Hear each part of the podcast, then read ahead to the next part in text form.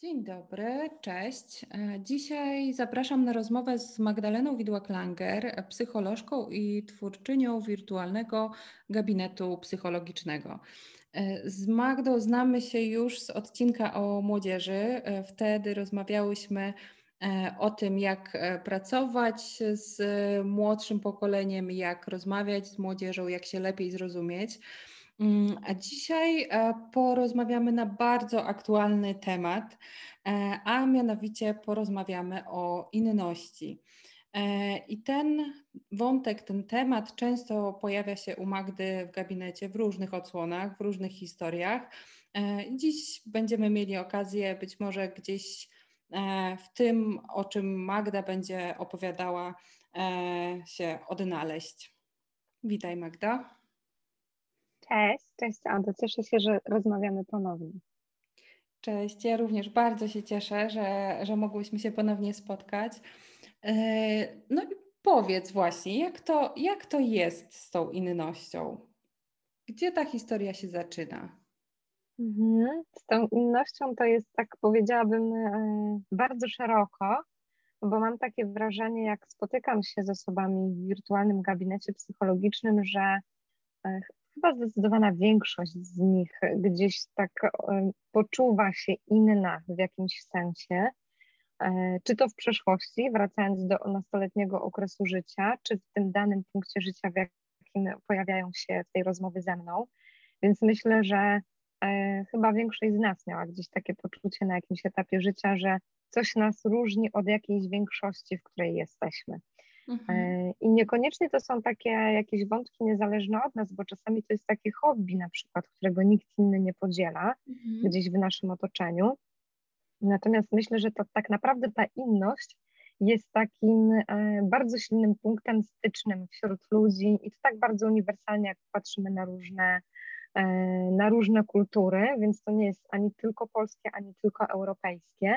Natomiast myślę, że rzeczywiście ta inność ona jest najbardziej bolesna wtedy, kiedy nie ma akceptacji naszej własnej na tą inność, albo właśnie naszego otoczenia, przyjaciół, rodziny, znajomych z pracy. I też wtedy, kiedy ta inność jest w jakiś taki przejaskrawiony sposób negatywnie przedstawiana w mediach przez polityków, przez e, różne osoby, które poprzez tytuł naukowy albo wykonywany zawód no wydaje się, że są jakimś autorytetem. Mhm. I myślę, że taką, taką historią o inności, która właśnie tak silnie manifestuje się w braku akceptacji i w takiej bardzo negatywnej narracji, jest historia sprzed wyborów u nas w mhm. Polsce, e, gdzie chyba najsilniej to się zaznaczyło w ustach naszego obecnego prezydenta, kiedy e, padły te sławetne słowa, że e, próbuje nam się wmówić, że e, LGBT to są ludzie, a to nie są ludzie, bo to jest ideologia. I myślę, że wtedy, kiedy jest taka narracja, to niezależnie od tego, czy naszą innością będzie inna orientacja, czy jakiś szczególnie rzadko wykonywany zawód, czy cokolwiek innego, to jest to dla nas szczególnie dotkliwe. A jeżeli to rzeczywiście dotyczy wątków niezależnych od nas, jak właśnie orientacja seksualna, to tak samo jak e, leworęczność, kolor oczu i tak dalej, to myślę, że to jest e, podwójnie dotkliwe, bo e, jest taki bardzo negatywny przekaz o nas, z powodu którego jakby w temacie, w którym my nie jesteśmy w stanie nic zrobić, bo to nie jest coś, co wybieramy. Mhm. Więc myślę, że ta historia inności jest taka najbardziej dotkliwa i to też widać w mojej gabinetowej pracy. Mhm. Też e, właśnie nawiązując do, do tego, co powiedziałaś o, o tej wypowiedzi prezydenta i o tym, że no, taka narracja często jest powielana przez, przez wiele osób w naszym otoczeniu. E, I tutaj nie proszę Cię o to, żebyś wytłumaczyła, co nasz prezydent miał na myśli, bo myślę, że byłoby to dość e, karkołomne E, zadanie, ale e, zastanawia mnie to e, i, i ciekawa jestem Twojej perspektywy, skąd bierze się wrogie nastawienie do inności? Skąd bierze się taka nawet powiedziałabym, niechęć do, do zrozumienia, do wyjścia z otwartością, ciekawością, z chęcią rozmowy, poznania, tylko tym pierwszym impulsem jest właśnie takie bardzo radykalne odrzucenie. Mhm. To, to bardzo dobre pytanie, bardzo się cieszę, że ono pada, bo ono nam pozwala zrozumieć, myślę, wszystkie strony, które są w tej danej sytuacji. Mhm. I jest wiele powodów, dlaczego e, my jako gatunek tak reagujemy. Od takich bardzo pierwotnych, czyli tutaj e, jest ta reakcja z tej części mózgu, która jest najstarsza, czyli z tak zwanego gadziego mózgu. Jeżeli e, pojawia się coś nieznanego, coś, co dla mnie nie jest klarowne, coś, co jest bardzo nowe, no to bardzo często gadzi mózg traktuje to jako zagrożenie, no i skłania nas do reakcji w postaci ucieczki albo walki. Mhm. E, to jest bardzo osobnicze, jaką, jaką reakcję wybierzemy, i też w różnych sytuacjach możemy wybierać, w cudzysłowie wybierać, tą reakcję albo walki, albo ucieczki. To nie jest tak, że ktoś ma tendencję tylko do tej reakcji walki, albo tylko do tej reakcji ucieczki. To jest zmienne w zależności od sytuacji. Więc mamy takie bardzo pierwotne tutaj e, taką przyczynę, dlaczego tak jest. Natomiast myślę, że takim bardzo ważnym wątkiem w ogóle, jeśli chodzi o naszą różnorodność, bo zapytałaś mnie w poprzednim pytaniu o inność mhm. i też bym chciała tu podkreślić, że ta inność, o której ja mówię, natomiast myślę, że ty też się z tym, e, z tym zgadzasz, ta inność, o której my mówimy, to jest tak naprawdę e, różnorodność, czyli nie rozumiemy słowa mhm. inność jako ktoś, kto jest e, gorszy, poza nawiasem, odrzucony, tylko e, chcemy mówić o inności w taki sposób, że inność to oznacza inny, czyli oznacza jakąś różnorodność w grupie. Mm -hmm. Tak, tak, to jest taka to, to... inność równoległa, że to nie my jesteśmy tutaj wyznacznikiem jakichś, jakichś norm, -hmm. nawiają właśnie E, to centrum, do którego pozostali powinni się odnieść, tylko każdy jest osobną jednostką, równolegle możemy na siebie, jakby siebie obserwować i, i, i tak właśnie tę inność czy, czy tę różnorodność mhm. rozumiem właśnie o, jako osob, osobność chyba też bym powiedziała. Tak. Mhm. Też taką właśnie autonomiczną mhm. odrębność. Czyli tak, autonomiczność jakimś... to jest dobre mhm. słowo.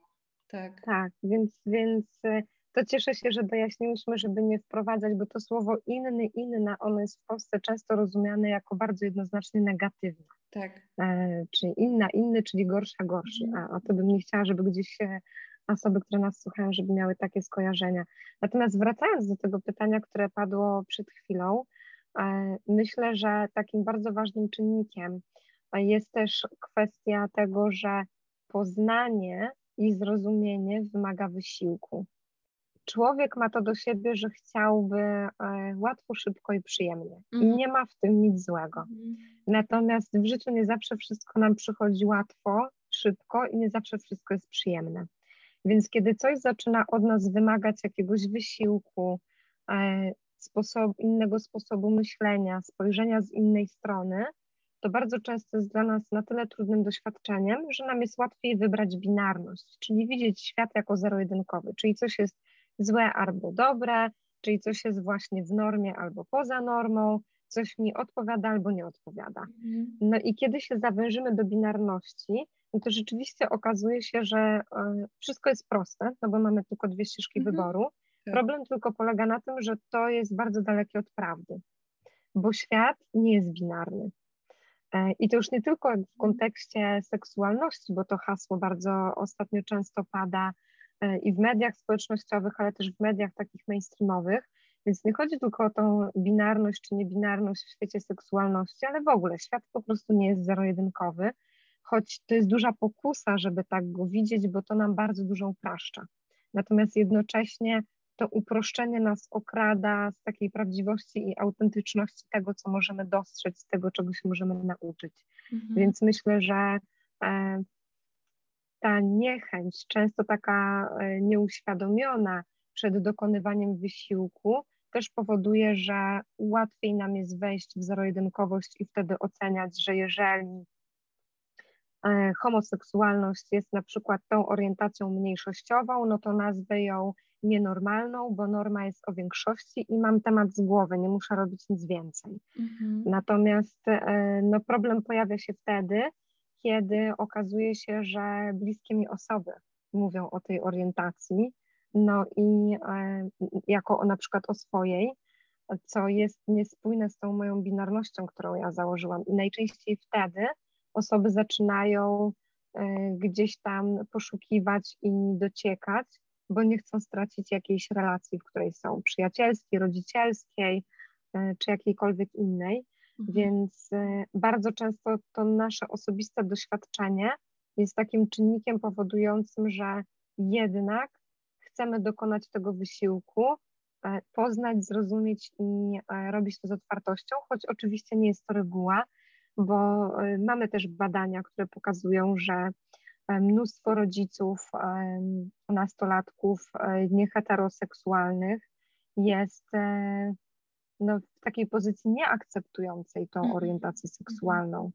Więc nie mówię o tym, że to jest że, że to jest jakby z, z góry można założyć, że jeżeli ktoś ma takie doświadczenie, to, to wtedy bardzo chętnie z ciekawością się otwiera i chce poznawać. Natomiast często jest to taki czynnik, który jednak robi dużą różnicę u tej mhm. osoby, która tak binarnie sobie oceniła rzeczywistość. Mhm.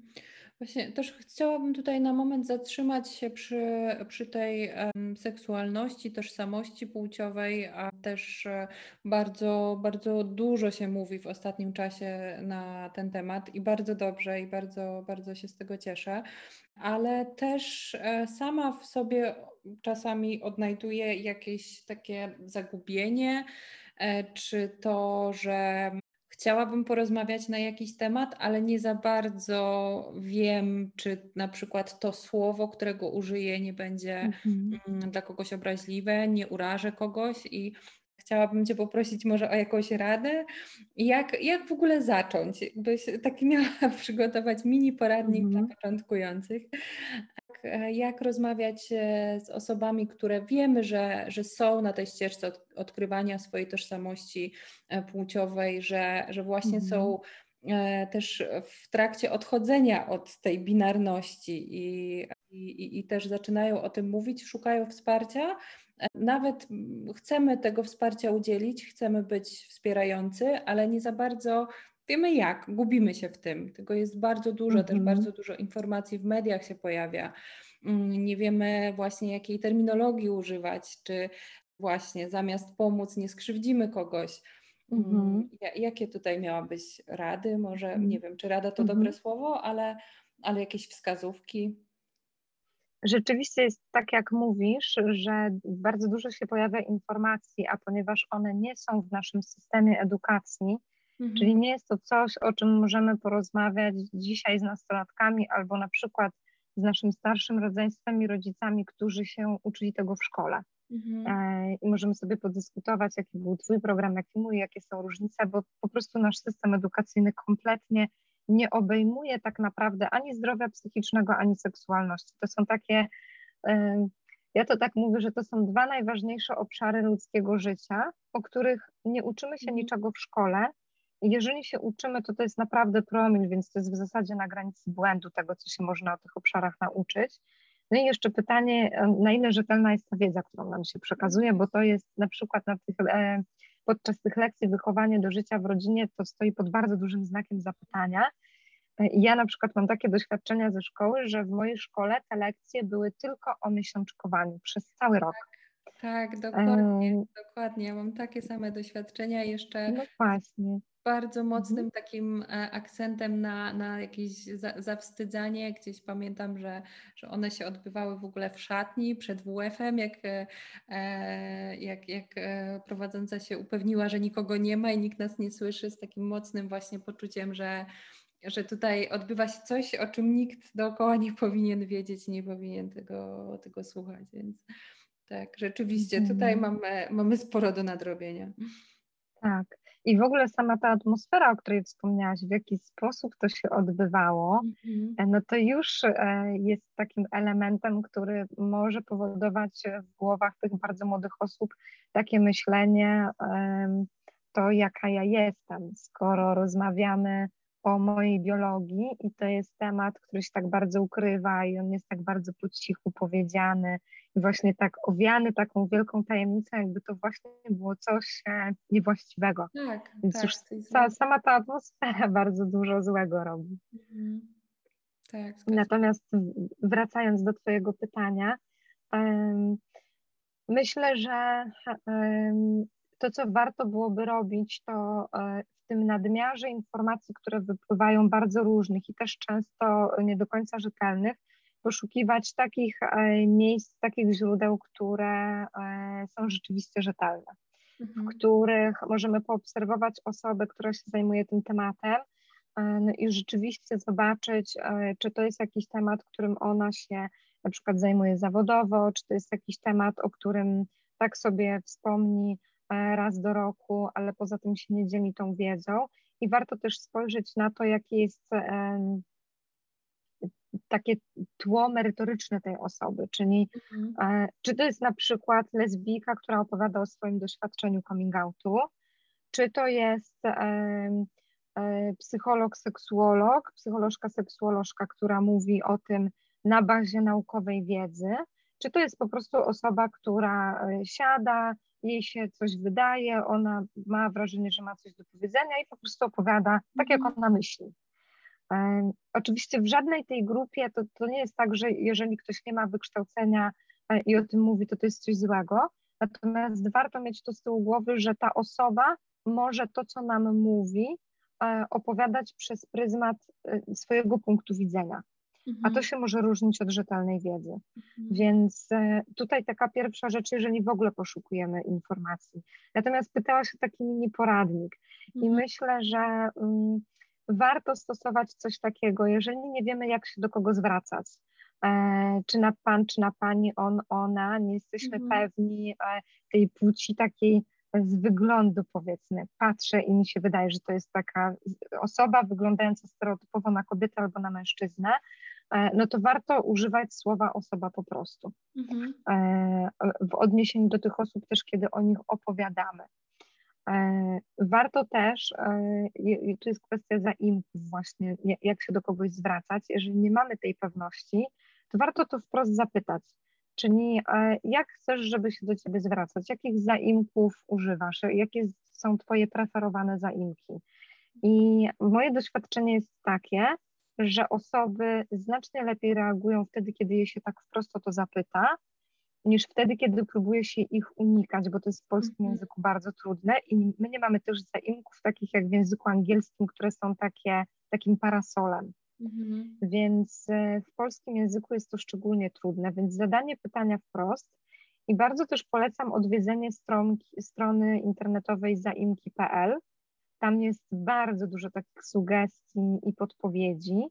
I to, co też, jeżeli jesteśmy przy zaimkach, co warto wiedzieć i o tym pamiętać, to to, że dana osoba, z którą rozmawiamy, to ona wie, z jakimi zaimkami czuje się dobrze, E, to ona sobie te zaimki wybiera.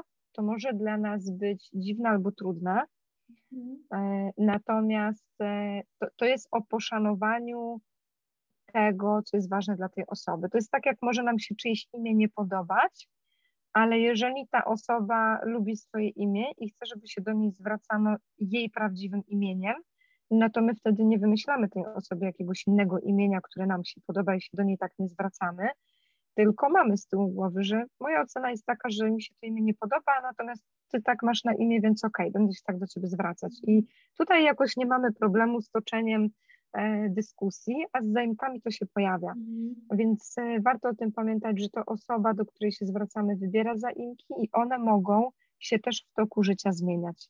Czyli to nie jest tak, że osoba sobie wybiera te zaimki, z którymi dobrze się czuje teraz, już do śmierci na pewno tak będzie. Może tak być, że za rok E, dla, ta osoba będzie się jednak czuła lepiej z innymi zaimkami. Mhm. I o tym też warto pamiętać, że to jest taka duża płynność w wyborze. Tak. To, co też, e, jeżeli. Mhm. E, jeszcze, jeszcze teraz pojawił mi się też taki wątek właśnie dotyczący w ogóle zadawania pytań jakichkolwiek i tego, że, że też chyba mamy to bardzo mocno z, z czasów szkolnych, że E, nie wiedzieć to, to, to jest wstyd i pytać to jest wstyd, więc, więc lepiej, bezpieczniej właśnie krążyć i wymyślać sobie jakieś, jakieś nowe formy gramatyczne niż, e, niż wprost zapytać o to, jak dana osoba właśnie wolałaby, żeby się do niej zwracać. I też e, to, o czym pomyślałam, to, to, to fakt, że jeszcze sobie po prostu tego tematu nie oswoiliśmy. On jest nowy, E, więc, więc dlatego jest nam trudno. Nie przychodzi nam to z taką łatwością, jak właśnie pytanie o formę imienia, którą wolimy. E, nasuwa mi się takie skojarzenie z e, feminatywami, które tak. też coraz odważniej są używane, ale jednocześnie też bardzo dużo krytyki się pojawia w związku z ich używaniem, że jakby, jakby to było wymyślanie nowego języka, a to jest po prostu korzystanie z zasad gramatyki, no i jedyną metodą jest tutaj po prostu ich używanie, żeby, żeby, żeby je oswoić. Tak, to prawda, co mówisz. I to, co ja też obserwuję, to to, że ta krytyka, jeśli chodzi o feminatywy, e, ona znacznie częściej wychodzi od mężczyzn niż od kobiet. Tak, tak. I bardzo często ta krytyka wiąże się z takim umniejszaniem że jeżeli używamy tych feminatywów na przykład w odniesieniu do ról społecznych albo do zawodów, no to powiedzenie policjantka jest takie, to jest taki mniej poważny policjant mhm. niż policjant. E, no i to się odnosi w ogóle do, do, do, do bardzo różnych e, feminatywów, więc to jest bardzo ciekawe, że to e, z moich obserwacji wynika znacznie bardziej przeszkadza mężczyznom. I myślę, że to jest, tak jak powiedziałaś, taki kolejny obszar, który dla nas jest bardzo nieoswojony, bo jednak przez dziesiątki lat te feminatywy nie były używane. E, nawet w niektórych redakcjach, e, jeśli chodzi o wydawnictwa prasowe, były uznawane za błędy. Więc mhm. autorzy, którzy używali feminatywów w tej e, redakcji przed, przed publikacją, mieli te feminatywy wykreślane. E, i pokazywane przez, e, przez korektę, że, e, że to jest błąd, że takiego języka nie używamy. I myślę, że to jest bardzo podobnie tak jak z zaimkami, że jeżeli coś jest dla nas formą nieoswojoną, to to jest dla nas nowe, dziwne, wydaje się jakieś takie niepasujące i dlatego mamy przed tym opór. Natomiast to jest też bardzo ciekawe, co podsumowałaś o tym, co mówiłam a propos imienia, Mhm. Bo ja bardzo często, kiedy jestem za granicą, e, a mam na imię Magdalena, e, i, I, kiedy na przykład się zapisuję na jakiś zabieg albo do studia jogi, gdzie jest potrzebne podanie danych, to mhm. podaję swoje, swoje imię, bo imię Magda i Magdalena to dwa różne imiona. Natomiast bardzo rzadko zdarza się, że ktoś w moim życiu prywatnym rzeczywiście do mnie mówi Magdalena. Używa, używają w zasadzie wszyscy raczej mhm. zdrobnień. Mhm. Natomiast za granicą ludzie na przykład mnie pytają, kiedy się pojawiam w jakimś miejscu regularnie, e, czy ty wolisz, żeby do ciebie mówić Magda czy Magdalena? I to jest bardzo naturalne pytanie.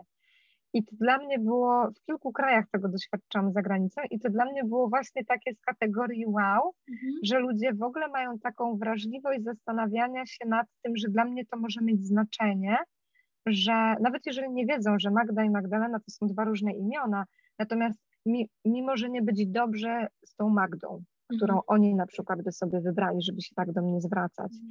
Więc myślę, że to jest troszeczkę różnica e, też nasza taka kulturowa w Polsce w porównaniu do innych krajów też w Europie, bo mówię o, o Niemczech, o Skandynawii, gdzie mnie właśnie o to pytano, jakie imię bym preferowała. Więc myślę, że to jest kwestia posłuchania i przyzwyczajenia. Mhm. I kiedy będziemy bardziej osłuchani i ten inkluzywny język on będzie bardziej włączony właśnie w mainstreamowe media, będzie można go posłuchać w popkulturze i poczytać, to on stanie się czymś naturalnym. I warto do tego dążyć, bo ta inkluzywność jest bardzo istotna, bo jeżeli nie ma inkluzywności, no to wykluczamy siłą rzeczy grupy ludzi, nawet jeżeli to jest bardzo nieświadome z naszej strony, czyli nie robię tego celowo, natomiast już sam brak tej inkluzywności e, jest wykluczeniem, mhm. więc myślę, że, e, że warto o tym pamiętać. Wracając do naszego poradnika i do takiego pytania o to, my no, lubimy tak pytać, czy masz chłopaka, dziewczynę, męża, żonę, narzeczoną, narzeczonego. Czyli to, to są takie formy, które są od razu nastawione na płeć.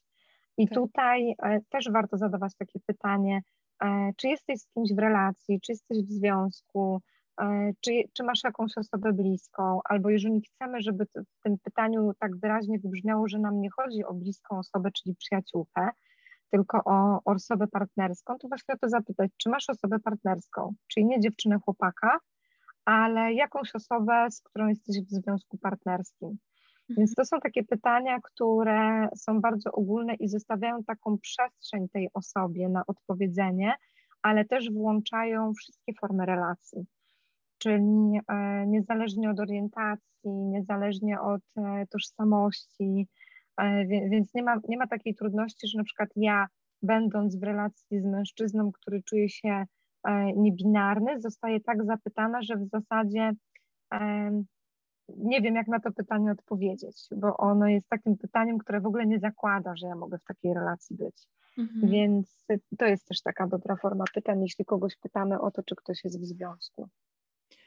Myślę, że tutaj też ważnym wątkiem jest ten, o którym wspomniałaś e, a propos tej historii, gdzie za granicą jesteś często pytana o, o to, jaką mhm. formę swojego imienia e, wolisz i powiedziałaś o wrażliwości. I, i, i myślę, że tutaj też mamy jeszcze um, taką e, lekcję do, do odrobienia i sporo do nadrobienia, jeżeli chodzi o wrażliwość, o, taką, o takie zauważenie po prostu drugiej osoby, że to, że ja się zmagam z jakimś strachem, niepewnością, że zastanawiam się, jakiej formy użyć, to, to zostaje ze mną, ale to, to ta druga osoba odczuje skutki tego, że na przykład użyje e, niewłaściwego e, zaimka, czy, czy takiej formy, która może być w jakiś sposób krzywdząca. Więc, e, więc myślę, że, że z tą wrażliwością byłoby nam po prostu dużo, dużo łatwiej i, i bardziej swobodnie byśmy się otwierali na, na takie po prostu bezpośrednie pytania na,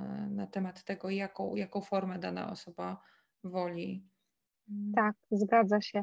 Nawet są takie badania, które pokazują, jeśli chodzi o osoby transpłciowe, że zwracanie się do nich e, nie tym imieniem, które zostało nadane przy urodzeniu, czyli nie tak mhm. zwanym dead name'em, tylko tym imieniem, które ta osoba sobie wybiera, trochę tak jak zaimek, czyli mam takie imię, taki, taki zaimek, z którym ja się czuję dobrze, bardzo znacząco wpływa na jakość życia tej osoby w mhm. sensie jej zdrowia psychicznego. To nie chodzi o to, że ona się czuje mniej lub bardziej przyjemnie, to chodzi o to, że e, kiedy badamy zdrowie psychiczne, to tam bardzo wyraźnie jest to pokazane, że e, to się bardzo mocno przekłada.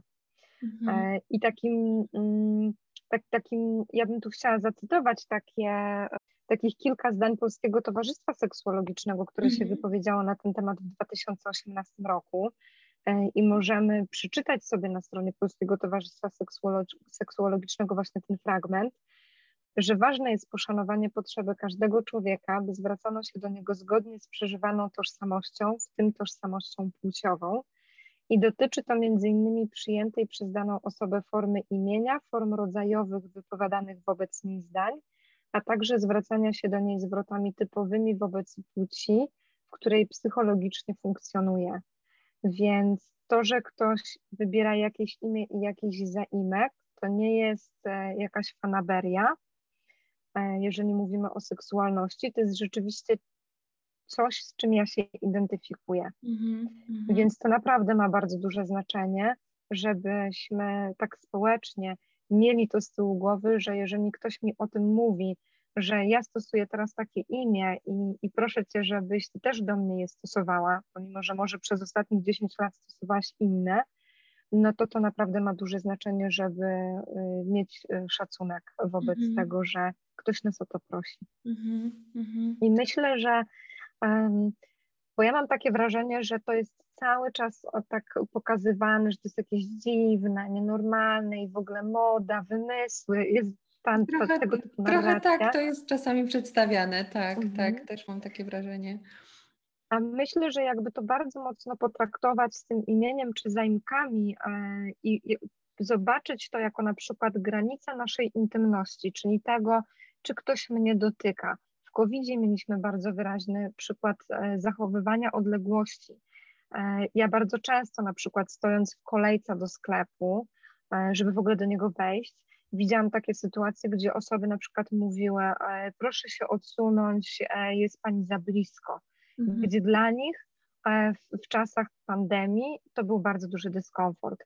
Więc gdyby przyjąć te kwestie zaimków i imion, tak jak to przyjmujemy, jeśli chodzi o nasze granice intymne, o to, czy nas ktoś dotyka, w jakich miejscach, czy mhm. ktoś nie stoi za blisko, za daleko, gdzie my mówimy wyraźnie, że nie dotykaj mnie w taki sposób, albo jesteś za blisko, potrzebuję zachować większy dystans, to mhm. myślę, że gdybyśmy to pokazali takim przykładem, to nagle by się to okazało bardzo naturalne, mhm. że możemy nie chcieć, żeby ktoś był swoją twarzą 5 centymetrów od naszej twarzy, bo to jest przekraczające nasze bariery mhm. intymności mhm. E, i łamie nasze granice, może stwarzać poczucie zagrożenia.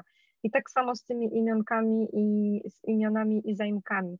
Jeżeli ja bardzo wyraźnie o tym mówię, jakie one są, a ktoś się do tego bardzo nie stosuje, to to też może budzić we mnie poczucie zagrożenia i odrzucenia. Mhm. Więc e, to naprawdę nie jest bardzo trudne, żeby to robić.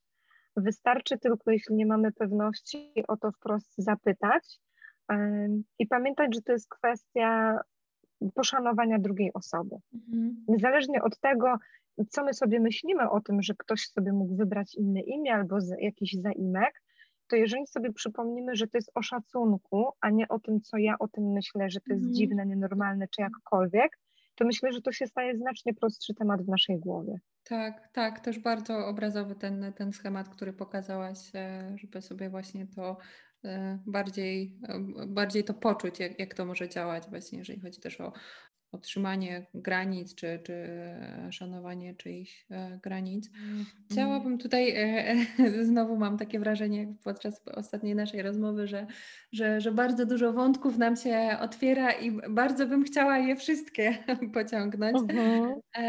ale, ale też zależy mi na tym, żeby zatrzymać się na moment przy, przy temacie tożsamości płciowej, bo Myślę, że, że to, jest, e, to jest bardzo ważny wątek i, i jestem też e, bardzo ciekawa Twoich e, doświadczeń, swojej, swojej pracy terapeutycznej. I, I też pamiętam, że kiedy myślałam o tym temacie, myślałam o tym pytaniu, to jakoś automatycznie gdzieś szłam w stronę rozmowy o młodych osobach. I o tym, mhm. że, że to młode osoby właśnie szukają swojej tożsamości płciowej, zaczynają ją odkrywać, e, a, a, a później uświadomiłam sobie, że to, to nie do końca jest to znaczy, to nie jest jedyna historia, która, e, która musi tutaj w tym temacie się pojawić, ale nie, nie uprzedzając faktów. E, i nie, nie uzupełniając tego pytania, chciałabym Cię po prostu zapytać o, o to, z czym przychodzą do Ciebie osoby, które szukają swojej tożsamości płciowej. Mhm. Ja myślę, że to, z czym ja się spotykam najczęściej, to jest właśnie to pytanie o normę, czyli ono się bardzo różnie manifestuje. Ono czasami brzmi, czy coś jest ze mną nie tak, mhm. a czasami to jest taka prośba, żebym rozsądziła, czy ta osoba jest normalna, czy nie, skoro mhm. czuje się tak albo czuje się taka.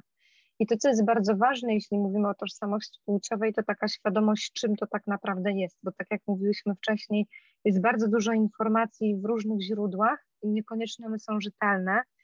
I tożsamość płciowa to jest takie wewnętrzne, świadome, autonomiczne poczucie bycia osobą jakiejś określonej płci albo osobą apłciową, mhm. albo kolejna opcja, utożsamianie się z kilkoma płciami jednocześnie, Albo może być też tak, że się nie, nie określamy tak naprawdę z żadną płcią, która jest w wymiarze binarnym, czyli kobieta, mężczyzna. Mhm.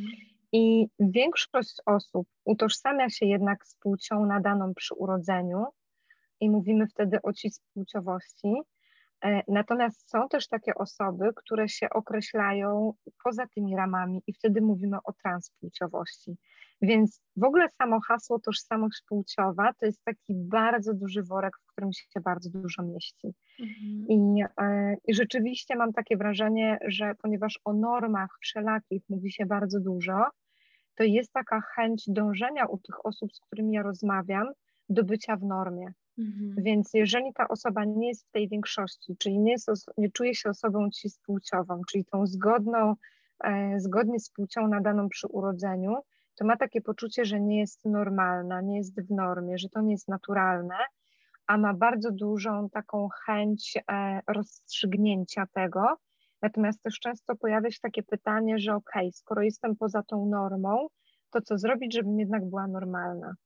Mm. Więc mamy, ponieważ ta narracja o normalności jest tak silna, to my mamy bardzo dużą taką chęć do, dążenia do tej normalności i myślę, że to jest związane z tą innością, którą doprecyzowałyśmy wcześniej, że jeżeli coś jest e, nienormalne, czyni inne, czyni poza nawiasem, czyni nie takie jak trzeba, nieadekwatne, to tu trzeba dokonać jakiejś zmiany, tak żeby to było jednak normalne, adekwatne i takie jak trzeba. I myślę, że to jest ta największa trudność, z którą przychodzą te osoby do mnie, to, to takie e, oscylowanie na osi norma, nie norma. E, no i co dalej w kontekście, to jak to zrobić, żeby jednak być w tej normie? Przy czym e, to bardzo bym chciała też powiedzieć o statystykach, mhm. w takim sensie, że my w bardzo prosty sposób, jeżeli popatrzymy na statystykę, to rozumiemy świat w taki sposób, że jeżeli coś jest większościowe, to jest w normie, a jeżeli coś jest mniejszościowe, to jest poza normą. Mhm. Natomiast jeżeli z języka statystyki prze, przejmiemy ten sposób myślenia, widzenia do takiego świata społecznego, psychologicznego, emocjonalnego, no to, e, to już będzie bardzo trudne i będzie nam tak trochę krzywym zwierciadle pokazywać to wszystko, czego doświadczamy i to, w jaki sposób myślimy. Więc myślę, że o tym też warto pamiętać, że często dochodzi E, na przykład politycy, kiedy się powołują na normę, to tu dochodzi do takiej manipulacji, gdzie się używa statystycznego języka do określania tego, że ktoś jest e, właśnie normalny, czyli właściwy, albo nienormalny, czyli niewłaściwy. A to jest e, dosyć duże nadużycie. Bo tak jak popatrzymy na przykład na osoby transpłciowe, których rzeczywiście w, społecznie, w społeczeństwie jest relatywnie mało, no to nie oznacza, że jeżeli ich jest znacząco mniej niż osób nietranspłciowych, no to te osoby transpłciowe są nienormalne. To jest, e, to jest właśnie ta manipulacja tym e, językiem statystyki, e, w tym, co bardzo często się ostatnio dzieje w mediach, szczególnie jeśli chodzi o polityków. Mhm. Więc to Tutaj... normalność to jest mhm. silny wątek wśród tych Właśnie osób. Chciałam na chwilkę jeszcze wtrącić, bo, bo, bo, bo, bo czuję, że, że, że właśnie też gdzieś moje myśli może za bardzo trochę odbiegają rozważania na temat właśnie tego, co jest normą, co jest odmiennością i jak, i, teraz tak sama siebie pytam i ciebie jednocześnie, jak to jest, że skoro w takim dyskursie politycznym, publicznych debatach pojawia się temat e, odmienności, pojawia się temat osób LGBT, no to znaczy, że to jest temat, który jest ważny, który jest istotny i który w jakiś sposób, skoro politycy go podejmują, no w tej normie jakoś się znajduje, ale jednocześnie ta narracja jest tak wroga i tak agresywna,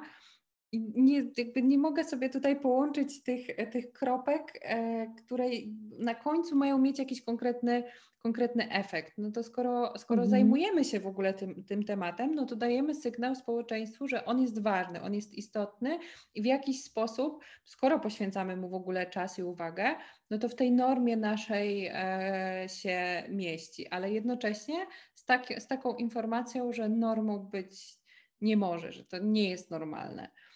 Jak, mhm. jak, to, jak to jest w ogóle możliwe? Mhm. Mi to bardzo mocno przypomina to, co się w Polsce dzieje tak bardzo. Ja zauważam takie rozgraniczenie czasowe, że od 2016 roku, e, cóż za korelacja z tym, co się politycznie u nas mhm. dzieje, mhm. bardzo wyraźnie widzę, że wszystko to, co dotyczy seksualności, edukacji seksualnej, orientacji seksualnej, i to są takie e, tematy straszaki. I ta cała narracja, którą się stosuje wobec społeczności LGBT, ona mi bardzo przypomina dokładnie tą samą narrację w latach 30. w Niemczech, mhm. tylko ona wtedy była stosowana wobec społeczności e, żydowskiej.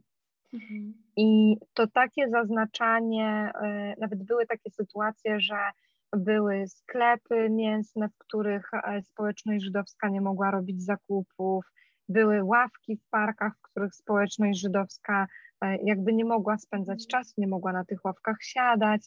Były też później pływalnie, jakby świat się mhm. podzielił na taką przestrzeń, to akurat było w Berlinie, na taką przestrzeń, która jest dla Żydów i nie dla Żydów. Mamy dokładnie taki sam przykład ze Stanów Zjednoczonych, mm. jeśli chodzi o osoby czarnoskóre. Mm. I dla mnie to, co się dzieje ze społecznością LGBT w Polsce, to jest kalka dokładnie tych samych wydarzeń.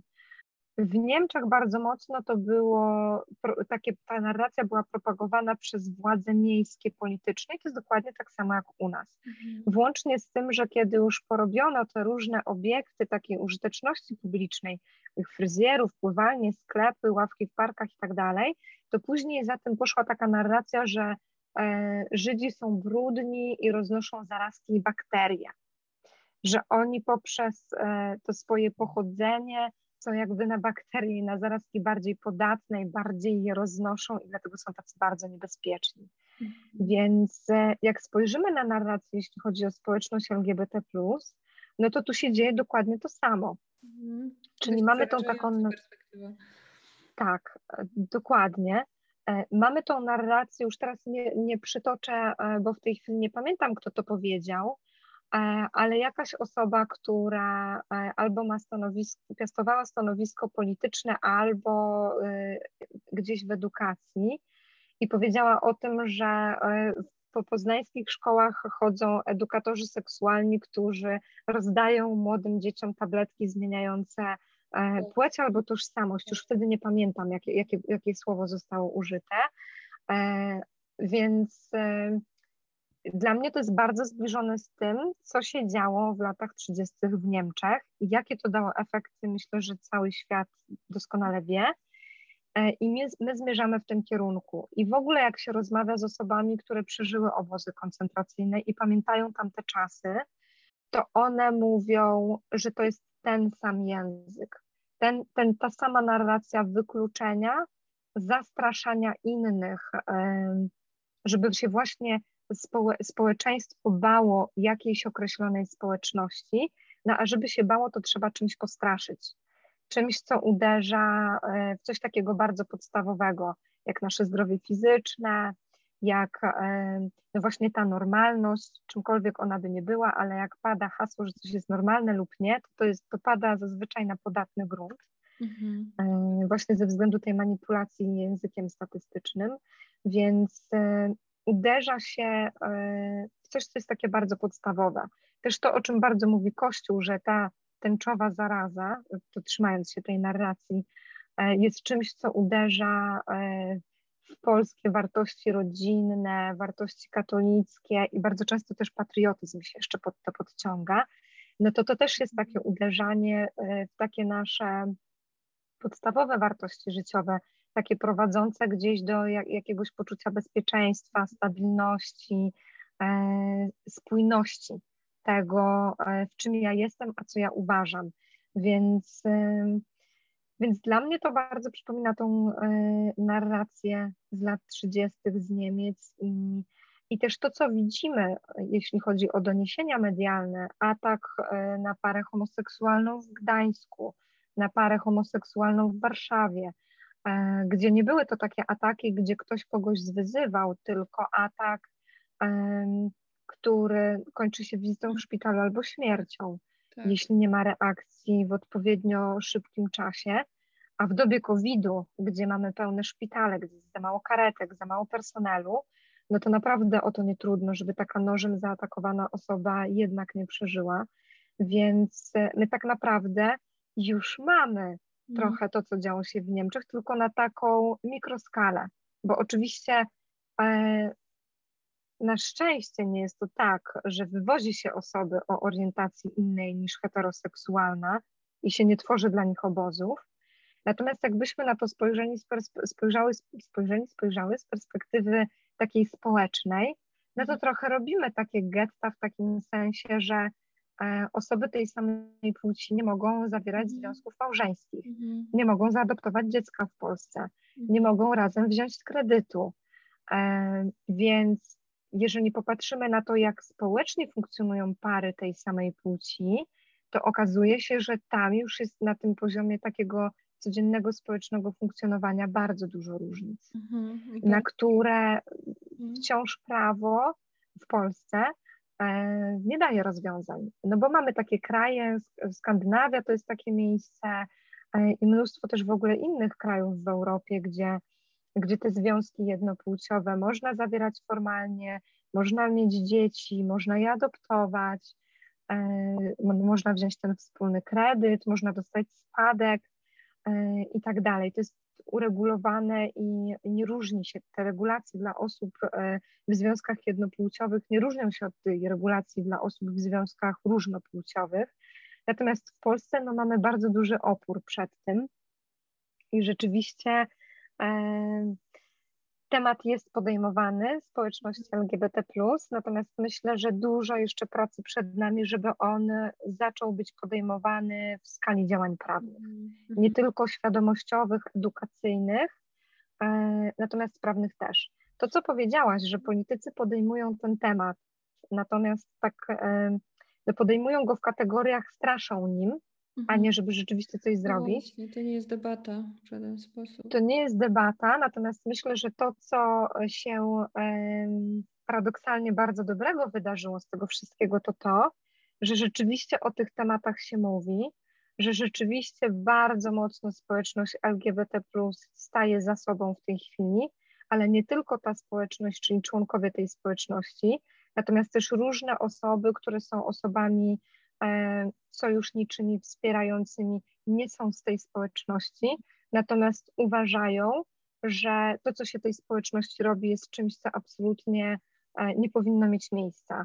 I e, tego słowa nie powinno z bardzo dużą rozwagą teraz używam, bo, bo zazwyczaj zachęcam, żeby nie myśleć w kategoriach powinności i tego mhm. słowa nie mieć w słowniku, Natomiast myślę, że mówimy tutaj o takich kategoriach, że e, rzeczywiście można tutaj bardzo radykalnie powiedzieć, że e, to nie powinno mieć miejsca, bo mówimy o prawach człowieka e, i człowiek jest człowiekiem po prostu. Nie różnicujemy go ze względu na kolor oczu ani długość włosów, mhm. więc jest zupełnie bezzasadne różnicować ludzi pod kątem ich tożsamości, orientacji, czy też tego, że mężczyźni malują paznokcie albo robią sobie makijaż bo ani nasz ubiór, ani makijaż nie mają płci.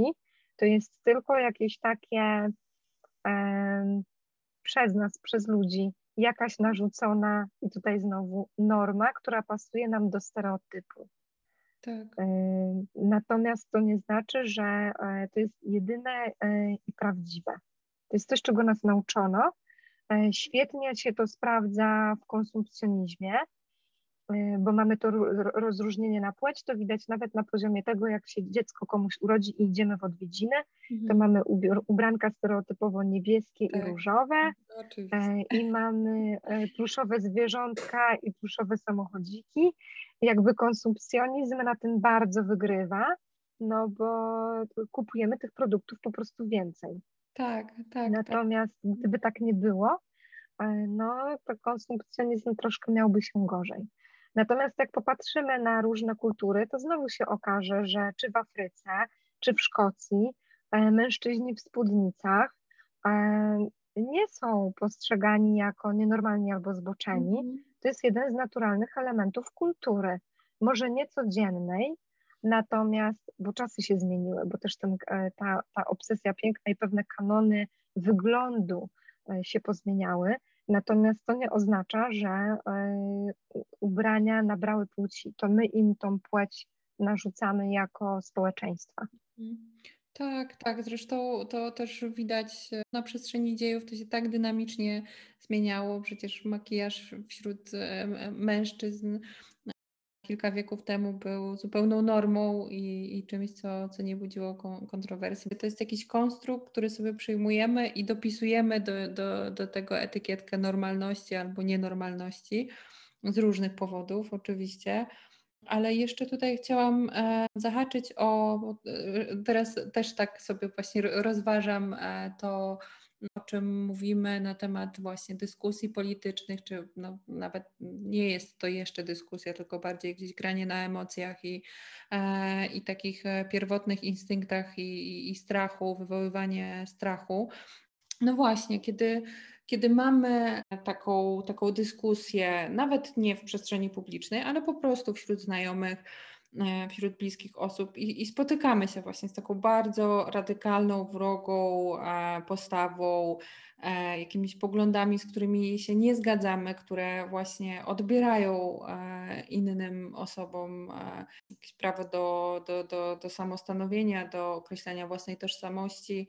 E, no i, jak reagować tak naprawdę, bo, bo ja szczerze mhm. mówiąc y, nie wiem, jest mi z tym bardzo trudno, kiedy z takimi poglądami się spotykam. Z jednej strony nie chcę się wyłączać z dyskusji i nie chcę jej nie podejmować w ogóle, ale z drugiej strony wiąże się to z tak dużymi emocjami, że boję się, że, że mogłabym sama wejść właśnie na na taki poziom, gdzie, gdzie no właśnie albo doszłoby do jakiegoś konfliktu, czy, czy, czy mogłabym się z mhm. taką osobą pokłócić, i, a tego bym też nie chciała, więc tutaj e, mhm. e, ciężko mi być ostrożną w, właśnie w, w, we wchodzeniu w takie dyskusje, a z drugiej strony nie chcę ich mhm. unikać. Mm.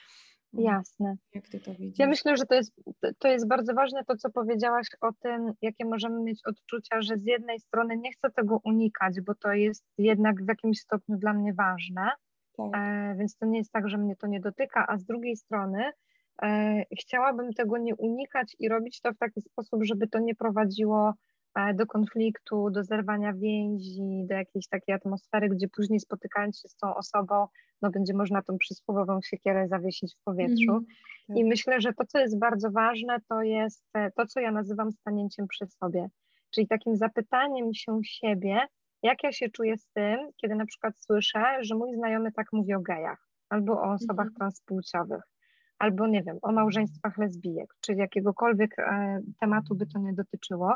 I odpowiedzenie sobie na pytanie, e, właśnie jak mi z tym jest, kiedy ja tego słucham. I jeżeli te moje odczucia są takie, że nie jest mi z tym dobrze, że to gdzieś uderza w moje wartości, że mam takie poczucie, że każdy taki komentarz to jest trochę taka cegiełka do tej politycznej narracji, tej takiej bardzo negatywnej, która e, powoduje, że jakość życia tych osób e, znacząco spada, tych ze społeczności LGBT, mhm. to myślę, że warto jest e, dać bardzo wyraźnie znać tej osobie, jak ja się czuję. Czyli na przykład powiedzieć, słuchaj, wiesz co, jak ja słyszę, że ty tak się wypowiadasz o gejach, to jest strasznie źle z tym, jak ja tego słucham. Mhm. Albo nawet przywołać to, co mówiłyśmy wcześniej, co, co jest takim moim doświadczeniem, czyli na przykład powiedzieć, że, że jak mówisz tak o lesbijkach, to mi to przypomina taką narrację sprzed czasów wojny stosowaną przez Niemców wobec Żydów.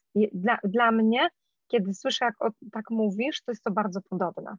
Mhm. Więc danie takiego sygnału, e, jak ja się z tym czuję, jakie to jest dla mnie, czyli nie o tym, jakie jest to, co mówi ta osoba, tylko jak ja to odbieram, to jest jedna z takich bardzo dobrych strategii, która trochę jest powiązana z tym, o czym mówiliśmy ostatnio, czyli z tym językiem Marszala Rosenberga z porozumieniem bez przemocy. Czyli ja mówię, mhm. tak, Czyli ja mówię o swoich doświadczeniach, o swoich emocjach, o tym, że to nie jest z tym źle. Mhm. I to jest taka strategia, którą ja zawsze zalecam, bo ona jest ze stanięcia przy sobie, ona jest z autentyczności, natomiast też z takiego stawiania granicy, że e, to jest taki sygnał trochę o tym, że hej, ja nie chcę, żebyś przy mnie mówiła w taki sposób. Ja, y, ja się na to nie zgadzam. To znaczy, ja nie chcę podejmować tematów takiej narracji, to nie chodzi o to, że nie będę z Tobą rozmawiać wcale, bo Ty masz inne zdanie, natomiast rozmawiajmy takim językiem, który nie krzywdzi ani mnie, ani Ciebie. Mhm.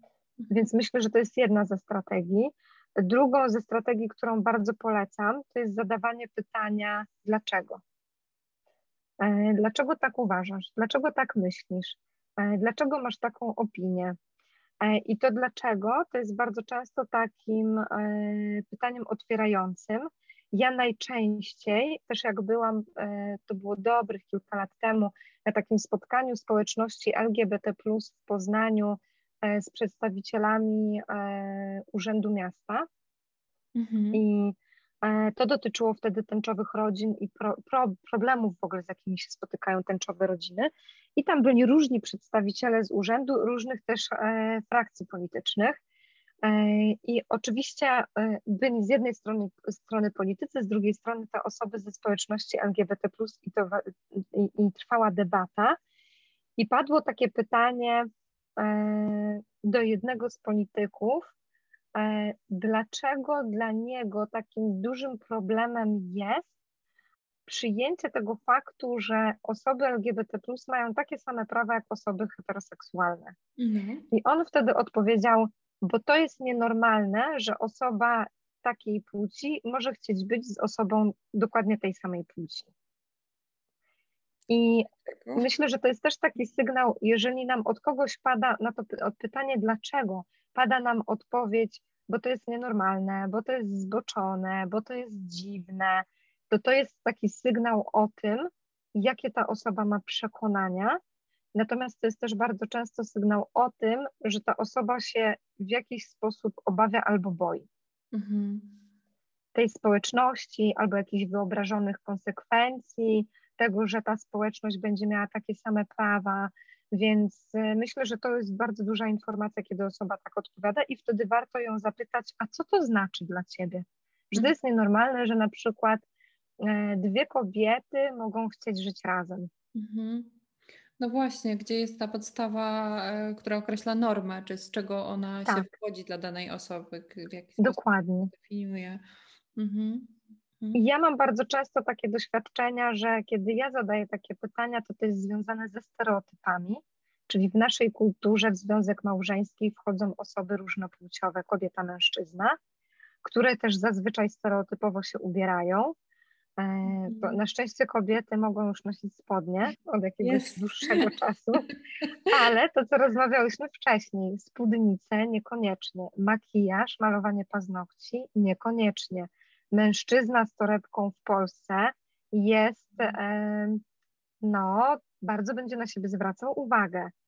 Więc e, już tutaj znowu zaczynamy wchodzić właśnie w to takie myślenie, że jeżeli coś nie jest zgodne z tym stereotypem, który my znamy, z tym wizerunkiem przypisanym stereotypowo do płci, to łatwo nam rozstrzygnąć, że to nie jest normalne.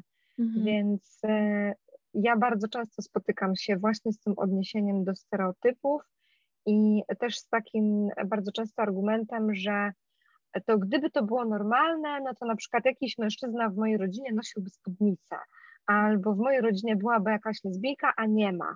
Mhm. Czyli to ma być takim Pokaż argumentem, że tak, dokładnie, że jeżeli w mojej rodzinie tego nie ma, a to jest normalne, no to, to znaczy, że to jednak nie jest normalne. Mhm. Natomiast e, to jest w ogóle bardzo częsty przykład, który pada też ze strony polityków, że, ty, że tych społeczności jest mało, więc one nie są normalne i kiedyś ich nie było, teraz nagle się pojawiły.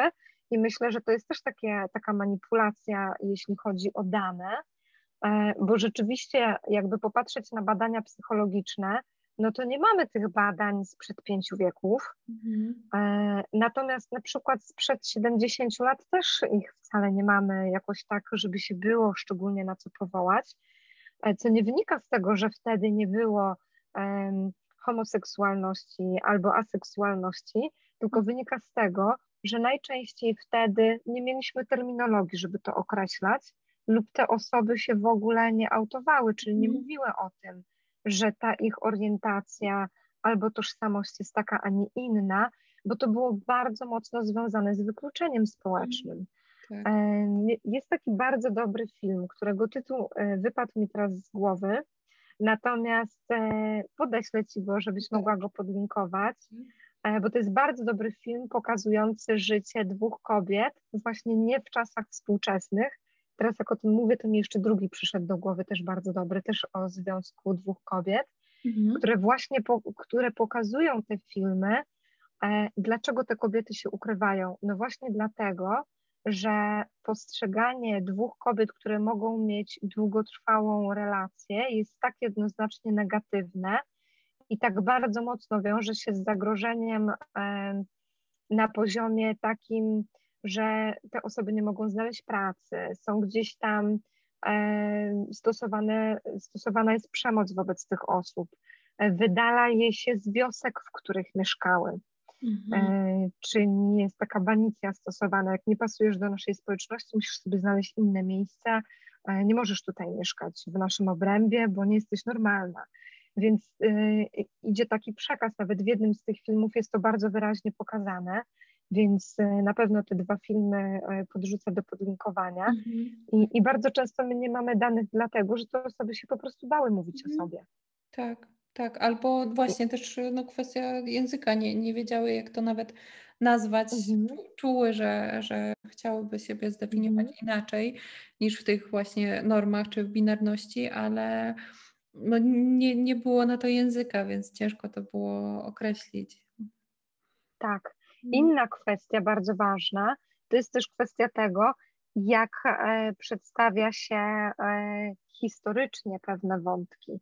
Jest taka fantastyczna książka naszej polskiej badaczki Joanny Ostrowskiej, Oni homoseksualiści w czasie II wojny światowej. I w tej książce jest bardzo e, bardzo mocno pokazane, jak historycznie zacierało się w ogóle istnienie osób homoseksualnych w czasach II wojny. Mhm. Jak bardzo te osoby były piętnowane również w obozach koncentracyjnych, jak często e, były uśmiercane jako pierwsze z tytułu swojej orientacji, e, a jak się zrobiło bardzo wiele, żeby to zatuszować i żeby to nie wyszło na jaw. Więc to jest też kwestia tego, że e, my często nie mamy jakichś danych, bo one e, zostały zamazane i historycznie nie było możliwości ich przedstawienia. Joanna Ostrowska nad tą książką pracowała chyba 10 lat, jeśli dobrze pamiętam, e, jeżdżąc na kwerendy właśnie do różnych archiwów, do różnych muzeów, obozów, na przykład do, jeśli dobrze pamiętam, była chyba w Tryblince i w Auschwitz, i okazuje się, że to, ta dokumentacja, która tam została, ona jest bardzo mocno fragmentaryczna. Mhm. Więc y, to były celowe działania, żeby nie ujawniać tego, że osoby homoseksualne wtedy i kobiety i mężczyzn traktowało się znacznie gorzej niż wszystkie inne osoby, które trafiły do obozu. Więc, y, więc to, to jest też taka kwestia, jak się nam próbuje to przedstawić. I jeżeli byśmy spojrzały na to, co się politycznie dzieje od tego, tak jak ja to obserwuję, 2016 roku mhm. do dzisiaj, na bazie tych pięciu lat stworzyły taką, powiedzmy, prawdę o społeczności LGBT, oczami e, niektórych polskich polityków, no to ta prawda byłaby taka, że to jest e, bardzo niebezpieczna, zagrażająca społeczność dewiantów, mhm. E, od której należałoby się odgrodzić jakimś ogromnym murem. Trochę to, tak. co Trump zrobił. Tak, tak. Nawiązując do innej polityki z innego kraju z kolei. Więc e, gdyby to, te, te, te lata potraktować jako taką prawdę historyczną, e, za jakiś czas, no to mielibyśmy, miałybyśmy tutaj takie, taki bardzo wyraźny obraz tego, że to, to nie jest wszystko, to jest jedna rzecz, a druga, że to nawet nie jest prawda. Mhm. Więc e, to jest też taki bardzo duży problem w tym przekazie historycznym, że nie mamy danych właśnie dlatego, że bardzo dużo zrobiono, żeby ich nie było. Mhm. Co wcale nie oznacza, że osób e, aseksualnych czy transpłciowych nie było 50, 70 czy 120 lat temu. Dokładnie, dokładnie. E, chciałam Cię jeszcze tak, słucham Cię z bardzo, z bardzo dużym zaciekawieniem i, e, i myślę, że ta rozmowa mogłaby trwać i trwać. Mm, Zgadza się. Teraz e, jestem przy, przy tych poleceniach, też sobie zapisałam tę książkę, o której mówiłaś. Być może są jeszcze jakieś, jakieś książki czy, czy źródła w mhm. internecie, mhm. które, które mogłyby pomóc nam jakoś lepiej zrozumieć e, inność samą w sobie i też e, społeczność LGBT, jak lepiej mhm. Mm, rozmawiać też z takimi osobami, bardziej się otworzyć na ten temat. Może mhm. mogłabyś jeszcze coś polecić? Ja myślę, że w ogóle stworzę taką specjalną listę, w której będziesz mogła podlinkować znacznie więcej tych, tych materiałów, niż ja bym tutaj mogła wymieniać i przedłużać. Dobrze. Natomiast myślę, że jakbym miała teraz coś powiedzieć, co mi tak w tej chwili wpada do głowy, mhm. to oprócz tej książki o Anny Ostrowskiej, którą naprawdę warto przeczytać, jest jeszcze taka książka e, Bartosza Żurawieckiego Ludzie, nie ideologia, wydana przez krytykę polityczną w tym roku, więc bardzo aktualna pozycja, którą bym polecała. E, dla osób młodszych sekset.pl, czyli rozmowy Ani Rubik o dojrzewaniu miłości i seksie. To jest dobra pozycja, bo tam ten wątek e, seksualności nie tylko pod kątem e, zabezpieczeń pierwszego razu czy chorób przenoszonych, przenoszonych drogą płciową, ale też pod kątem zgody na e, jakieś kontakty niekoniecznie seksualne, bo one nie muszą być seksualne, ale w ogóle mhm. cielesne. Mhm. E, na właśnie takie e, dojrzewanie, co, co tam się dzieje w kontekście, kiedy odkrywam swoją orientację, kiedy widzę coś więcej o swojej tożsamości niż być może do tej pory. Tam są troszeczkę te wątki podotykane, natomiast bardzo polecam, szczególnie młodym osobom, choć nie tylko, bo naprawdę osoby po 40 też mogą się bardzo dużo nauczyć z profilu e, na Instagramie sexet.pl. Mhm. Tam, tam jest nie tylko, nie tylko posty, z których można się nauczyć i nie tylko stories, natomiast bardzo często są też zapraszane osoby na live, e, osoby, które się dzielą merytoryczną wiedzą. To są psychologowie, psycholożki, seksuologowie, seksuolożki, natomiast też osoby zajmujące się terapią, psychoterapią, więc e, takie szerokie spektrum e, tego, jak możemy poznawać seksualność w takim bardzo ogólnym zakresie. I myślę, że to jest bardzo rzetelne źródło wiedzy i dla młodzieży, i dla osób dużo, dużo starszych niż kilkanaście lat. Mhm. E, więc ten profil na Instagramie. Takimi profilami, takie profile, które też bym e, polecała, jeśli chodzi o Instagram, to jest e, znana pewnie wszystkim Kasia, co z tym seksem. Mhm. Natomiast też profil Sary Tylki, którego teraz pamiętam imię i nazwisko, a nie pamiętam nazwy profilu. Psychoseksologicznie nazywa się ten profil. Więc to są takie dwa profile, które bym bardzo mocno polecała w tym temacie. Tam jest bardzo dużo e, rzetelnej wiedzy, e, też takiej szerokiej, szeroko przedstawionej. Mm, jeśli chodzi o podcasty, bardzo polecam e, niedawno przeze mnie odkryty podcast Znowu ta lesba.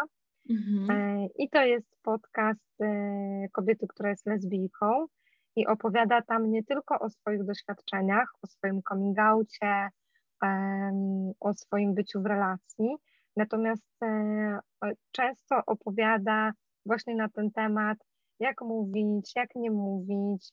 E, opowiada też, jak ona jako członkini społeczności LGBT, LGBT się czuje, kiedy politycy mówią to, co mówią mhm. o społeczności LGBT, więc myślę, że to jest bardzo dobre źródło usłyszenia, a być może nawet poczucia tego, co czują osoby z tej społeczności, kiedy tak się o nich mówi. Mhm. Czyli to jest, e, myślę, że słuchając tego podcastu, poszczególnych odcinków, łatwiej jest wejść w buty tej osoby i zobaczyć, że to, że ja nie jestem ze społeczności LGBT, to nie znaczy, że mogę sobie tak łatwo i prosto powiedzieć, a to nie jest mój problem, mnie to nie dotyczy.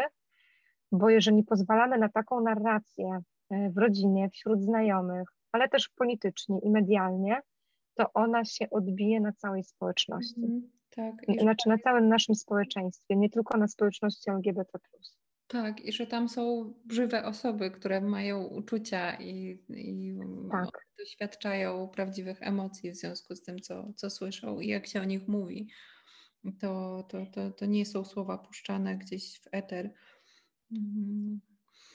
Tak, zgadza się. Ja myślę, że jeszcze tutaj dodam do tego, co powiedziałaś, bo myślę, że to bardzo ważne, mhm. że to, co często w tej e, narracji jest stosowane, to takie sprowadzenie osób ze społeczności LGBT, tylko do seksu i do narządów płciowych. Mhm. Tak, do tożsamości. Tak, jak, mhm. tak jakby e, orientacja seksualna była tylko o czynności seksualnej. Mhm. No a przecież tak naprawdę orientacja seksualna to jest znacznie więcej e, niż tylko to, że kiedy ma się jakąś orientację, to się jest w jakichś stosunkach seksualnych. I myślę, że gdyby te osoby, które mają taką narrację, odeszły od widzenia genitaliów i seksu w ludziach i zaczęły w ludziach widzieć ludzi, którzy e, chodzą do pracy, robią zakupy, e, chcą się czuć bezpiecznie, potrzebują czułości i akceptacji, mhm. no to to też byłoby znacznie łatwiejsze e, w tym, w tym takim rozstrzyganiu i zastanawianiu się, co ja robię, ale też co, kiedy ja to robię, robi, in, robi to innym ludziom. Mhm. Czyli tym, którzy to słyszą, nawet niekoniecznie z tej społeczności, ale na przykład e, rodzicom takiej aseksualnej osoby, mhm. albo transpłciowej, albo e, przyjaciółce takiej osoby. Mhm. Więc, więc myślę, że to bardzo ważne, to co powiedziałaś, żeby to podkreślać, że zawsze po drugiej stronie stoi człowiek i to, że ja nie mówię do niego twarzą w twarz, bo go nie widzę, tylko mówię do kamery w telewizji, no to nie znaczy, że za tym nie stoi drugi człowiek, e, do którego ja mówię. E, a poza tym to jest e, to, co się politycznie dzieje, czyli takie nawoływanie do nienawiści, do piętnowania, do takiego właśnie wykluczania mm, z różnych sytuacji tych mhm. osób, które według polityków nie są w normie, no to jest coś, co się będzie odznaczało na całym społeczeństwie i to będzie trwało w latach. Tak. To znaczy, gdybyśmy sobie tak bardzo optymistycznie założyły, że od 1 stycznia przyszłego roku już mamy tylko taką politykę, w której jest e, rzetelna narracja, e, no to to nie znaczy, że to od 1 stycznia jakby ta sytuacja kasuje wszystko to, co było w przeszłości, mm. bo wszystkie te osoby, które kiedyś to usłyszały e, i zaczęły też wierzyć e, w, te, w, tę narrację, która jest tak chętnie powtarzana w naszej e, narodowej, nienarodowej telewizji, no to no to, e, to jest taka sytuacja, że dla nich e, ta zmiana nie zmienia od razu ich poglądu i ilości usłyszanych tych haseł. To wymaga pewnego przeformatowania sposobu myślenia, czyli tego dokonania wysiłku.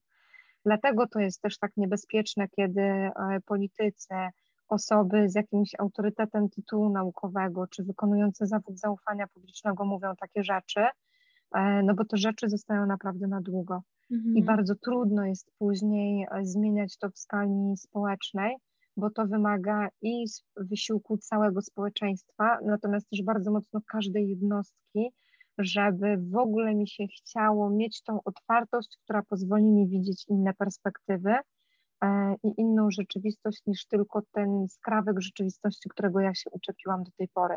A jak do tego dodamy brak edukacji, gdzie nasz ówczesny, e, gdzie nasz obecny minister Czarnek bardzo dba o to, żeby e, tej edukacji nie było, no to trochę jesteśmy w takim zamkniętym kole.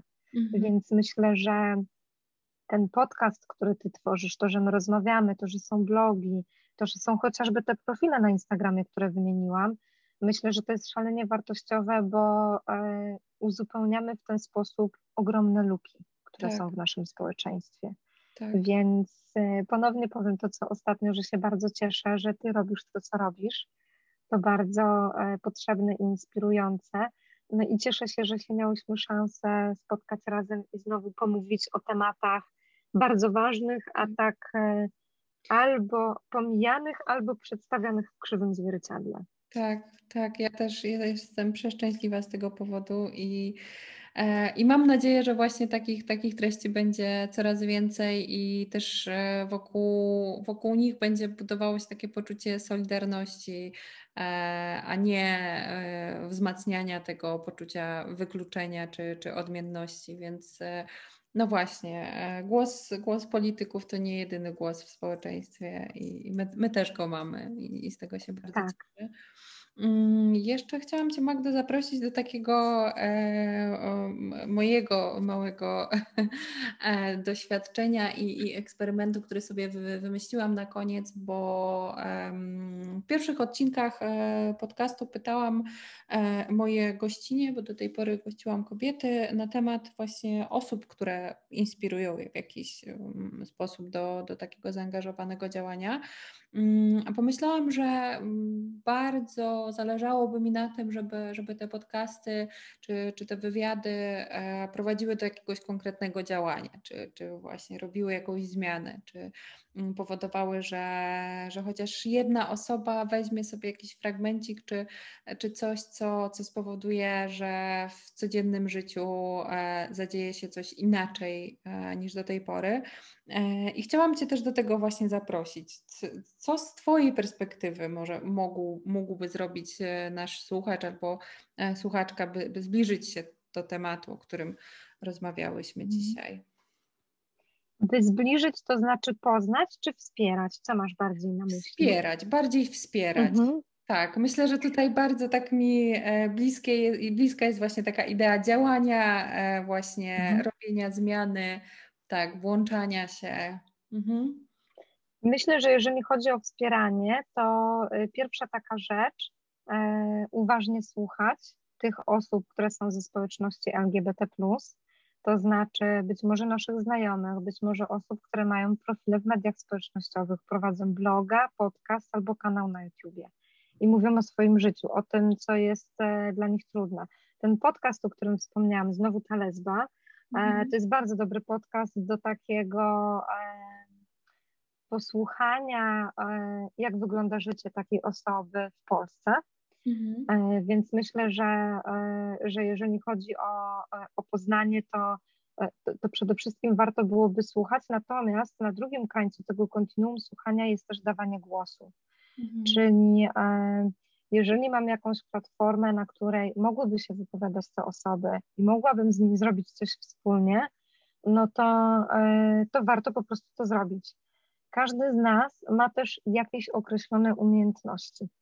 I możemy się poodzywać do osób, które no właśnie prowadzą jakieś profile albo jakąś formę pracy artystycznej, albo do magazynów, które e, gdzieś tam może nie są wydawane w, cało, w całości o społeczności LGBT, natomiast poruszają te wątki i możemy e, udzielać się w jakiejś pracy e, na ten temat. Na przykład robić grafiki dla stowarzyszenia, które działa na rzecz osób LGBT, albo e, działać w jakiś inny sposób, który pozwala stowarzyszeniu, fundacji czy takiemu czasopismu, które się wydaje działać, dlatego że my e, działamy tam wolontaryjnie.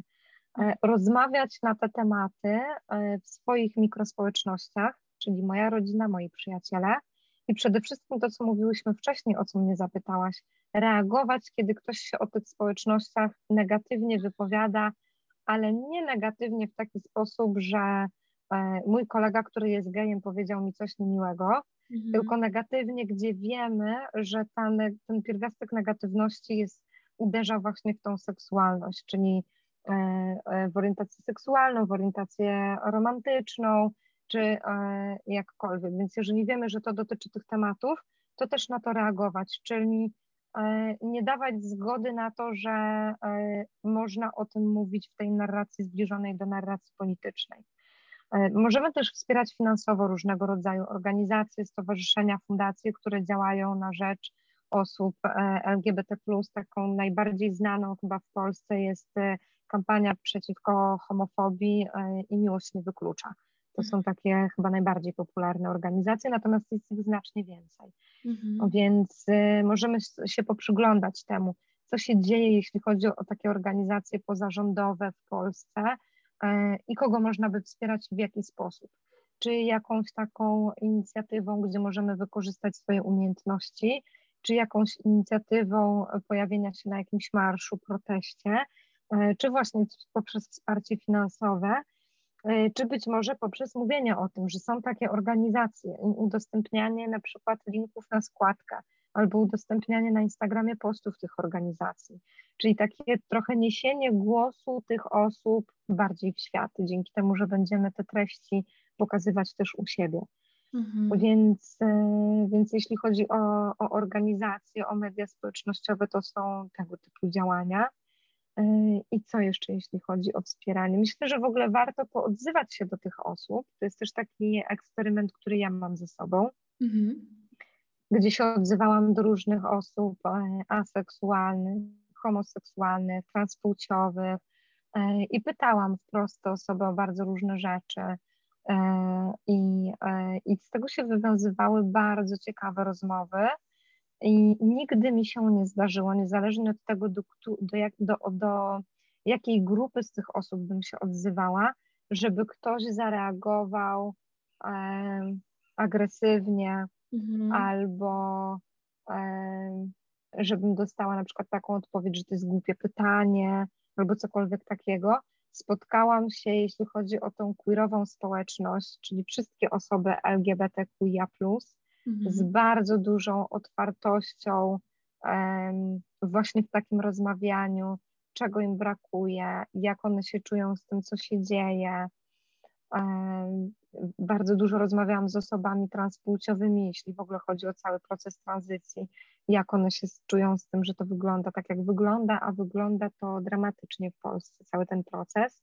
Mhm. Więc myślę, że też takie poznawanie tego, co te osoby mają do powiedzenia, też dla nich jest takim sygnałem, że jest e, kolejna osoba, która jest zainteresowana ich perspektywą, czyli nie jest zainteresowana tym, żeby opowiadać, co mi się wydaje na ten temat, tylko rzeczywiście chce poznać to, z czym się e, boryka ta społeczność, na przykład z powodów prawnych w Polsce, mhm. E, no, albo społecznych na skutek takiej, a nie innej narracji politycznej. Więc myślę, że też rozmawianie z tymi osobami jest czymś takim bardzo wspierającym. E, no i też wykorzystywanie, jeżeli jesteśmy w takiej sytuacji, że chcemy pójść na jakąś sztukę, na wystawę, kupić komuś prezent, na przykład też poszukanie tego, co robią osoby artystycznie ze społeczności LGBT. Mhm. E, jakie książki piszą e, osoby ze społeczności LGBT, bo one niekoniecznie piszą o seksualności. Mhm. E, piszą też zupełnie różne, różne inne historie. Natomiast można by było właśnie popatrzeć z takiej perspektywy, jak ja mogę wspierać twórców LGBT. Mhm. Mhm. Więc to jest też coś takiego, czemu warto się przyjrzeć tak z trochę innej perspektywy e, i popatrzeć właśnie, e, jak jeśli chodzi o twórców LGBT, jak to wygląda w Polsce, a wygląda bardzo dobrze, bo tych twórców mamy całkiem sporo w bardzo różnych dziedzinach. Mamy świetnych badaczy i badaczki, pisarzy i, i pisarki, e, tatuatorów i tatuatorki, Mhm. Więc e, tak naprawdę jest mnóstwo takich obszarów, którym jeśli się poprzyglądamy, to okaże się, że tam jest mnóstwo osób LGBT+. Mhm. I poprzez kupowanie ich właśnie wytworów, e, czy biletów, dzięki którym możemy zobaczyć twórczość tych osób, czy usług tych osób, możemy też tą społeczność wspierać. Mhm. Więc myślę, że to jest taka, ta, taka takie dokładanie cegiełki do wspierania, które rzadko nam przychodzi do głowy, o którym często nie myślimy, e, a warto byłoby nawet tak z ciekawości dla takiego osobistego eksperymentu zrobić sobie taki właśnie tak. research. E, no jak to wygląda, na przykład, nie wiem, jeśli chodzi o książki albo o wystawy, to, mhm. to co ja takiego mogę znaleźć teraz? Tak, Więc ja myślę, że sama też... się czuję zachęcona do, do właśnie do mhm. takich działań. Tak poszukiwać. Myślę, że to, to, to, to, jest, e, to jest wspierające, natomiast e, myślę, że najbardziej wspierające jest, e, jesteśmy wtedy, wspierający, wspierający, kiedy rzeczywiście zachowujemy czy budujemy naszą otwartość, dbamy o szacunek do drugiej osoby, tak jak niezależnie od tego, czy pisze lewą czy prawą ręką, to też zadbajmy o ten szacunek niezależnie od tego, czy jest homoseksualna, transpłciowa, czy panseksualna. Więc e, to pamiętanie o otwartości, o szacunku i o tym, że to jest zawsze drugi człowiek.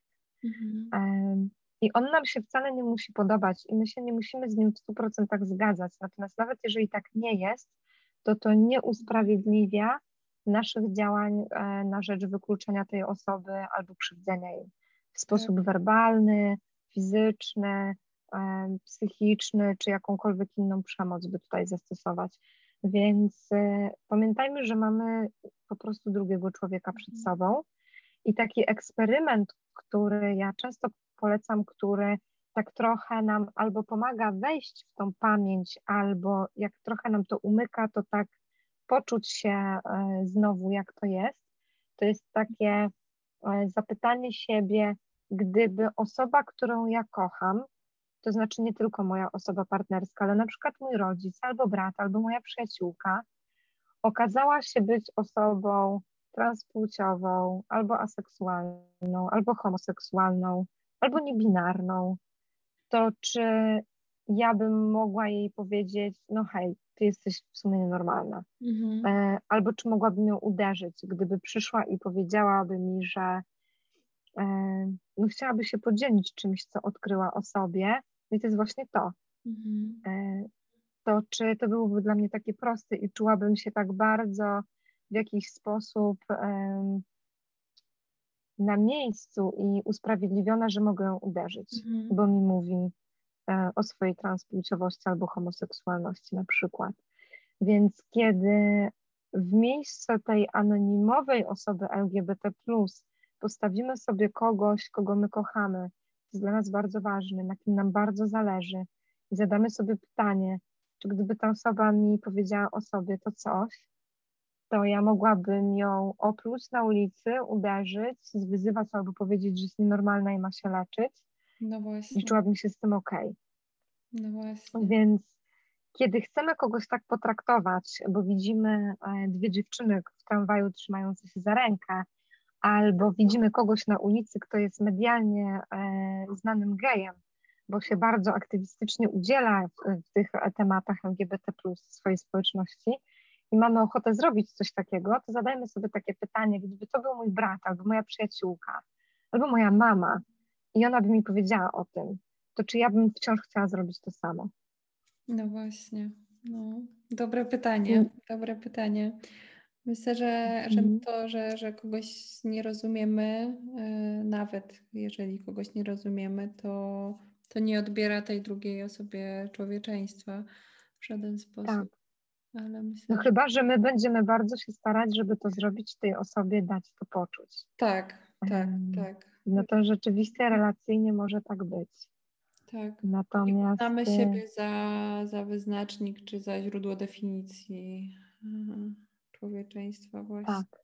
Natomiast to jest też takie pytanie o to, czy my sobie chcemy dawać prawo do tego, żeby być w pozycji, w której odbieramy komuś społeczeństwo, y, człowieczeństwo, mhm albo pozwalamy mu e, z tym zostać. Mhm. Więc e, to też jest takie duże pytanie. Właśnie. Dlaczego miałabym siebie móc stawiać w ogóle w takiej pozycji, tak. że roszczę sobie to prawo do odbierania mhm. komuś godności, szacunku i człowieczeństwa? No właśnie. Skąd u mnie aż tak duża moc i władza?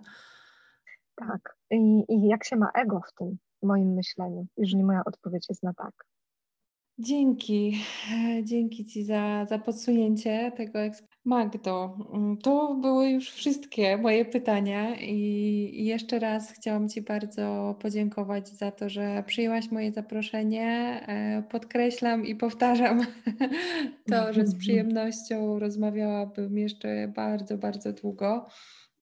Cieszę się, że, że poświęciłaś mi swój czas. Dziękuję Ci za to, co robisz. E, dziękuję Ci, że też z taką bezpieczną przestrzeń budujesz dla osób, które być może w jakimś stopniu, w jakikolwiek sposób zmagają się właśnie z takim poczuciem odmienności, inności, e, rozumianej stereotypowo oczywiście właśnie jako, jako coś gorszego, E, ale że dzięki Tobie mogą odkryć ten element tożsamości, którego być może jakoś im brakowało, i dzięki temu osiągnąć e, te pełnię wartościowego życia. Więc dzięki Ci za to i mam nadzieję, że spotkamy się jeszcze. Ja również Ci bardzo dziękuję za nasze kolejne spotkanie i wszystkie dobre słowa i dokładnie to samo mogłabym powiedzieć wobec Ciebie, co też już wcześniej dzisiaj ode mnie mm. padło, że cieszę się, że robisz to, co robisz i że miałyśmy szansę się i spotkać i poznać na gruncie robienia takich, e, myślę, bardzo ważnych i dla Ciebie i dla mnie rzeczy. Natomiast do wszystkich osób, które nas słuchają, Jeżeli, jeżeli jest tak, że macie jakieś pytania, z czymś czujecie się niepewnie lub szukacie psycholożki, z którą chcecie popracować, czy nad coming outem, czy nad tym, co się dzieje w waszym wewnętrznym świecie, myślach, emocjach odnośnie swojej seksualności, swojej orientacji, swoich relacji, to ja bardzo polecam odzywać się e, mailowo. Znajdziecie mnie na Instagramie, znajdziecie mnie na stronie, więc jeżeli macie jakieś pytania, dylematy, coś się zadziało w Was po posłuchaniu tej naszej rozmowy i nie chcecie tego zostawić od tak, to ja zachęcam, żeby się do mnie odezwać. Więc, e, więc e, tylko tak podsumowując, daję taki sygnał, że jestem i E, naprawdę nie, nie bójcie się odzywać, nie bójcie się pytać. E, bardzo się staram o to, żeby tworzyć taką bezpieczną przestrzeń dla społeczności LGBT. To jest dla mnie bardzo ważna społeczność. Więc e, jeżeli czujecie, że w niej jesteście, albo wiecie, że jesteście, albo wasi bliscy w niej są, no to nie bójcie się pytać. Tak. Nie ma głupich pytań, ani takich, których nie można zadać, jeśli o mnie chodzi. Więc jeśli cokolwiek się pojawiło i nie chcecie z tym zostać sami, same, e, mhm. to po prostu dawajcie znać. Tak, tak. Ja e, też za, zachęcam do właśnie, jeżeli do tego, że kiedy pojawia się takie poczucie chęci, nawet porozmawiania, czy, e, czy poeksplorowania tego tematu, to, to warto za nim pójść. Na pewno z, z mhm. odwagą, też od, odrzucając te stereotypy, którymi obrośliśmy w trakcie edukacji i, e, takie przekonania, że lepiej nie pytać, lepiej nie zaczynać, lepiej się nie tak. przyznawać, nie drążyć. E, mhm. Warto, warto próbować. tak, te, prze, te, przekonania i to, co powiedziałaś, to są trochę jak taki niewygodny, za ciasno zasznurowany gorset. Tak. I myślę, że z tych gorsetów warto się wyzwolić. To tak. nie jest łatwe, często bywa dla nas trudne, Natomiast e, myślę, że finalnie e, okazuje się czymś wartościowym w naszym życiu. Tak.